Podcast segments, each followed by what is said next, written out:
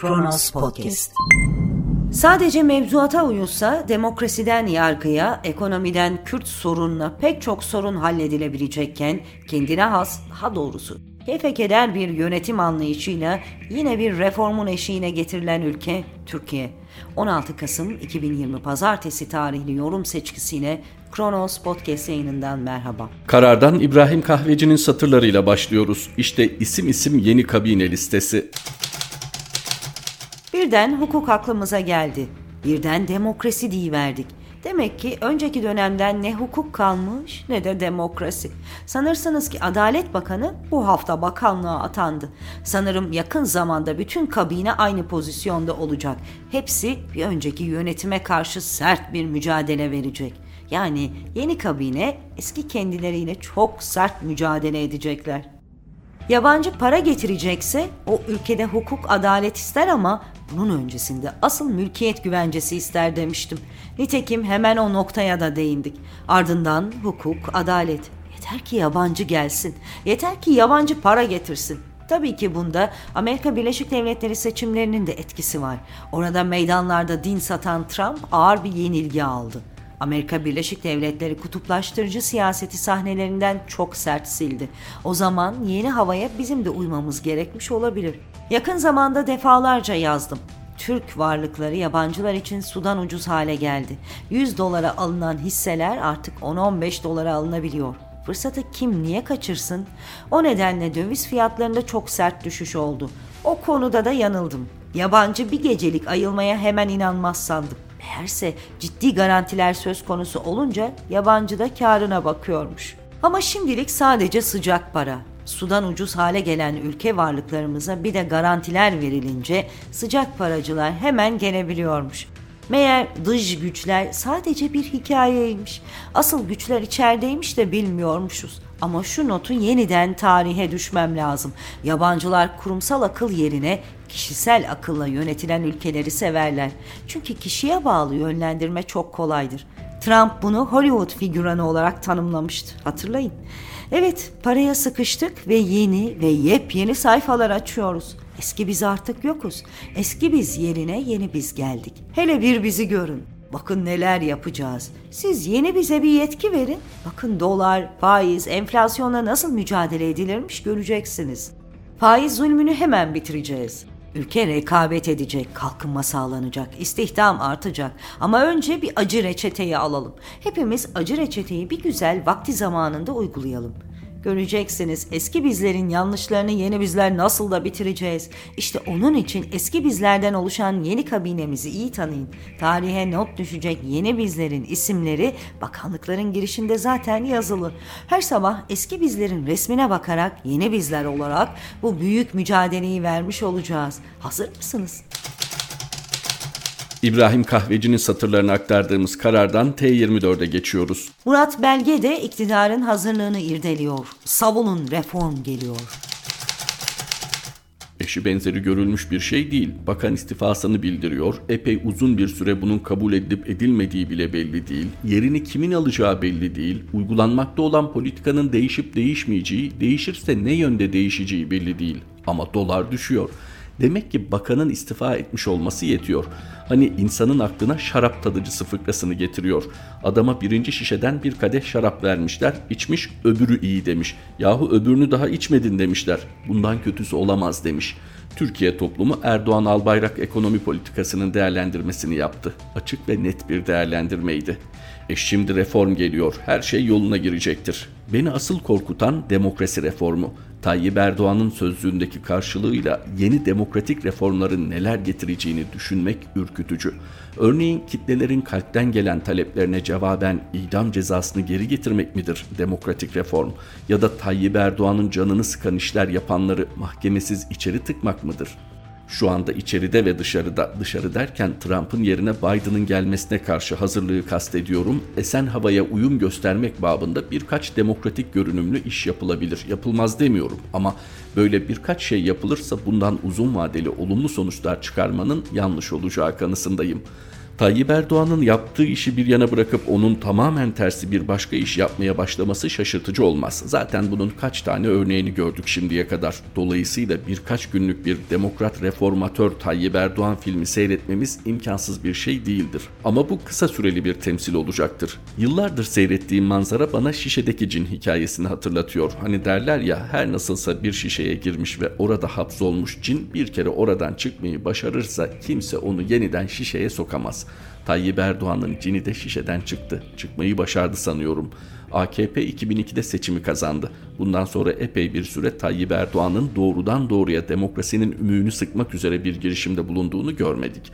Tramvay mı, otobüs mü inip binmek konusunda bazı irkiltici sözler söyledi ama bir eyleme geçmedi.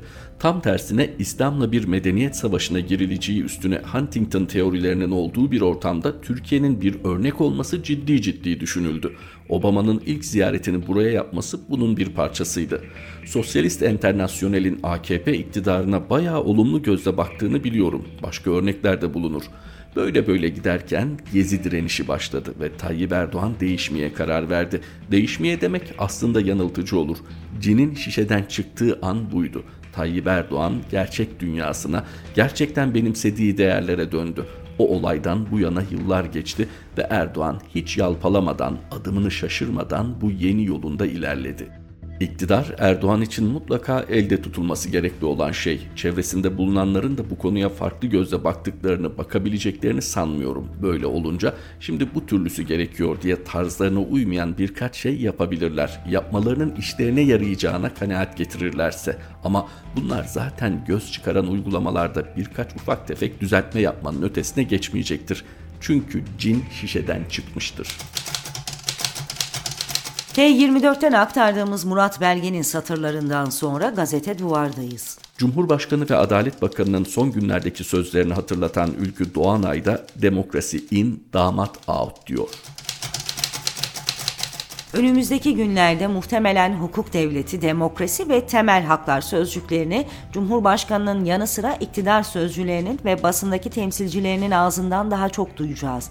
Baksanıza demokrasinin, hukukun üstünlüğünün yalnızca telaffuz edilmesi dahi piyasaları nasıl etkiledi?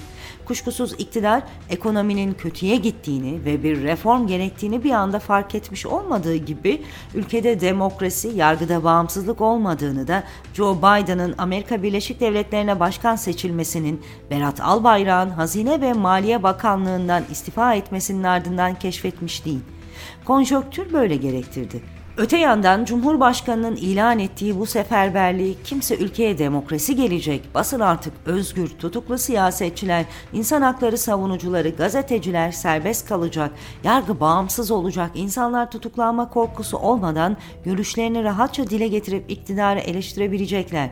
O hal ve KHK mağduriyetleri giderilecek. Herkes eşit vatandaşlar olarak hak ve özgürlüklerden yararlanabilecek diye okumuyor. Zaten demokrasi dediğiniz yabancı yatırımcıların ülkeye rahatça mal varlıklarına el konulmayacağından ve mülkiyet haklarının yargı tarafından korunacağından emin olarak gelebilmelerinden başka nedir ki? Ülkü Doğanay imzalı satırları aktardığımız gazete duvardan sonra ahvaldeyiz. Abdülhamit Gül'e seslenen Ceren Karlı'da 11-15 Kasım bir haftada 10 kadın öldürüldü. Kıyamet buradan kopsun mu Sayın Bakan diye soruyor. Basına yansıyan haberlere göre bir günde 4, bir hafta içinde ise 10 kadın öldürüldü. Sosyopolitik Araştırma Merkezi'nin verilerine göre 2020 yılının 10 aylık zaman diliminde en az 256 kadın cinayet sonucu yaşamını yitirirken en az 197 kadının da ölümü şüpheli. Bu hafta Adana'nın Ceyhan ilçesinde 2017 yılında 72 yaşındaki Kudret Yener'i boğazını keserek öldürüp değerli eşyalarını çalan iki erkek öldürmeden müebbet, hırsızlıktan 6 yıl 3'er ay, konut dokunulmazlığını ihlaldense 1 yıl 8 ay hapis cezasına çarptırılıp adli kontrol şartıyla tahliye edildi.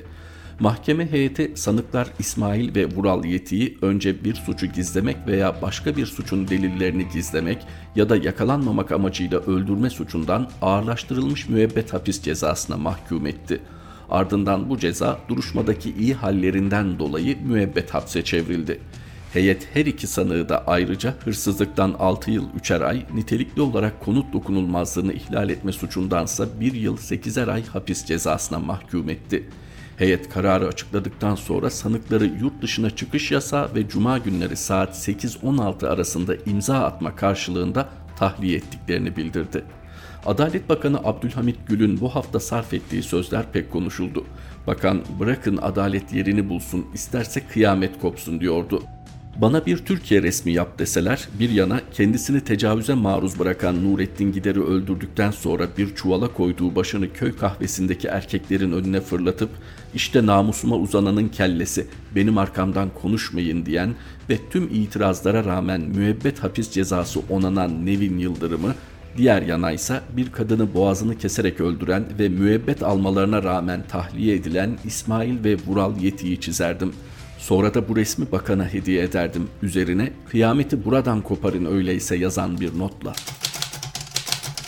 Ceren Karlıdağ'ın satırlarıydı. Ahvalden sonra bir gündeyiz. Milliyetçiliğin farklı vesilelerle köpürtülmesi temel kimi sorunları görünmez kılabiliyor ama nereye kadar? Selçuk Candan Sayar yoksulları milliyetçilikle büyülemekten söz ediyor. Ermenistan Meclisi'nin basılma görüntüleri içi boş milliyetçiliğin nasıl kendisini vuran bir silah olduğunu bir kez daha gösteriyor. Yaralı, örselenmiş, kıyılmış bir milletin içine düşürüldüğü perişanlık. 10 milyon Azerbaycanlı ve 3 milyon Ermeninin büyük çoğunluğu derin bir yoksulluk içinde yaşarken halkların milliyetçilik yanılsamasıyla birbirlerini yıllardır kırmaları. 30 yıl önce Ermenistan Karabağ işgal ederken de onlar öldü, sürüldü. Şimdi tersi olurken de yine onlar ölüyor ve sürülüyor. İkisi de aslında hep kaybederlerken kazanan her defasında başta Rusya, diğerleri oluyor. Asıl dikkat çekmek istediğim yoksulları milliyetçilikle büyülemenin tehlikesi. Bir zamanlar bizim olan ama elimizden haince alınanı geri aldığımızda zenginleşeceğiz hayalini kışkırtmak çok kolay. Düşmanlarımız yüzünden bu durumdayız. Onları yenersek refaha ereceğimize inandırmak da öyle. Aslında o kadar üstün ve güçlüyüz ki başkaları bize ancak hizmet edebilirler. Fetihlerle ele geçireceğimiz yerlerin zenginlikleri bize ganimet olarak kalacak propagandası yapmakta. Yokluk ve yoksulluk içinde hayatta kalmaya çalışan insan güç hayali karşısında savunmasızdır. Üstelik hemen yanı başında kendisinden çok daha iyi koşullarda yaşayanlara tanık oldukça zayıflık, yetersizlik duygularına daha da derinden kapılır. Bu ezici duyguların baskısından, öz yetersizlik hissinden kurtulabilmek için hayale kapılmaya yatkınlaşır. Ben başarısızımla yüzleşmenin acısından sıyrılmanın en kolay yolu içinde bulunduğum durumun sorumlusu ben değilim akıl yürütmesidir.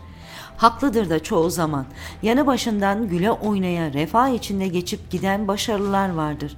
İşte sorumlu bulmaya hazır durumda olan bu kitleyi düşman siyasetine inandırmak, yöneticilerin bir taşla iki kuş vurmalarını sağlar. Bir düşmanı hedef göstererek hem kendi sorumluluklarını gizler hem de size zenginliği ben getireceğim vaadini kolayca benimsetir benim peşime takılırsanız sizi kurtarırım diyerek kendisinde onlarda olmayan bir güç varmış yanılsaması yaratır. Liderde var olduğu sanılan güce yönelen kitle o güçle bütünleştiğinde kendi güçsüzlüğünden eser kalmadığını, yakınlaştıkça onunla birleştikçe kendisinin de güçlendiği hissini yaşantılar. Sarayın görkeminde yaşayanın lider değil de kendisi olduğu sanmaya başlar sanki tahta kendisi oturuyormuş gibi hisseder. Kralların, diktatörlerin, tek adamların şatafatı bu yüzden kitle tarafından onaylanır. Milliyetçi kışkırtmanın kitleyi büyülemesi kolaydır ama aynı kitleye yenilgiyi kabul ettirmek o kadar kolay değildir. Şişirilmiş gururu kırılan, sandığı kadar güçlü olmadığını acı içinde öğrenen bireyin de halkların da öfkesi kışkırtanlara dönüverir. Çok daha yıkıcı olarak hem de. O vakit unvanlar, makamlar, saraylar, meclisler de büyülerini güç simgesi hallerine getiriverirler. Görkem tersine döner ve ayaklar altına alınıp ezilecek hedefe döner. Yenilginin bedeli hayali satana ödetilir. Öfke ben sana nasıl oldu da inandığımı içeren suçluluk duygusuyla katmerlenir. Suçluluk hissi de yansıtılır ve hayali satana yöneltilir. Bu kez ancak onu yok edince geçecek bir öfkeye dönüşür. Demedi demeyin. Selçuk Candan Sayar imzalı satırlar aktardığımız bir gün bu birlikteliğimizdeki son durağımızdı. Mehmet Şahin ve Gülden Gül Batıbay Şahin yeni yorum seçkimizle Kronos Podcast yayınında tekrar buluşmak üzere. Hoşçakalın.